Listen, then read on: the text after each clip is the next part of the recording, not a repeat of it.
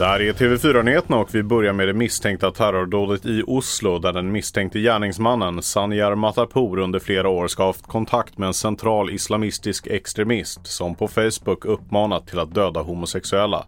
Detta enligt uppgifter till norska VG. Matapour greps direkt efter dådet i centrala Oslo där två personer dödades och över 20 skadades. Och han kommer troligen ställas inför häktningsförhandlingar imorgon måndag. Matapour har ännu inte gett någon närmare förklaring av sitt motiv till varken sin advokat eller till polisen. Minst tre gånger om dagen utsätts lastbilar här i Sverige för stöld och totalt sett rör det sig om gods för miljardbelopp som stjäls varje år. 45 procent av brotten anmäls i Region Syd och hårdast drabbat är nordvästra Skåne.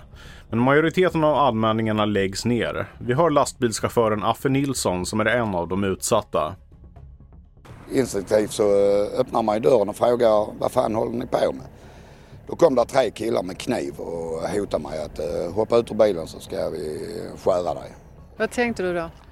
Ja, man blir lite skärrad. Man tänker, är det värt och eh, gå ut och konfrontera dessa. Men eh, det är det ju inte.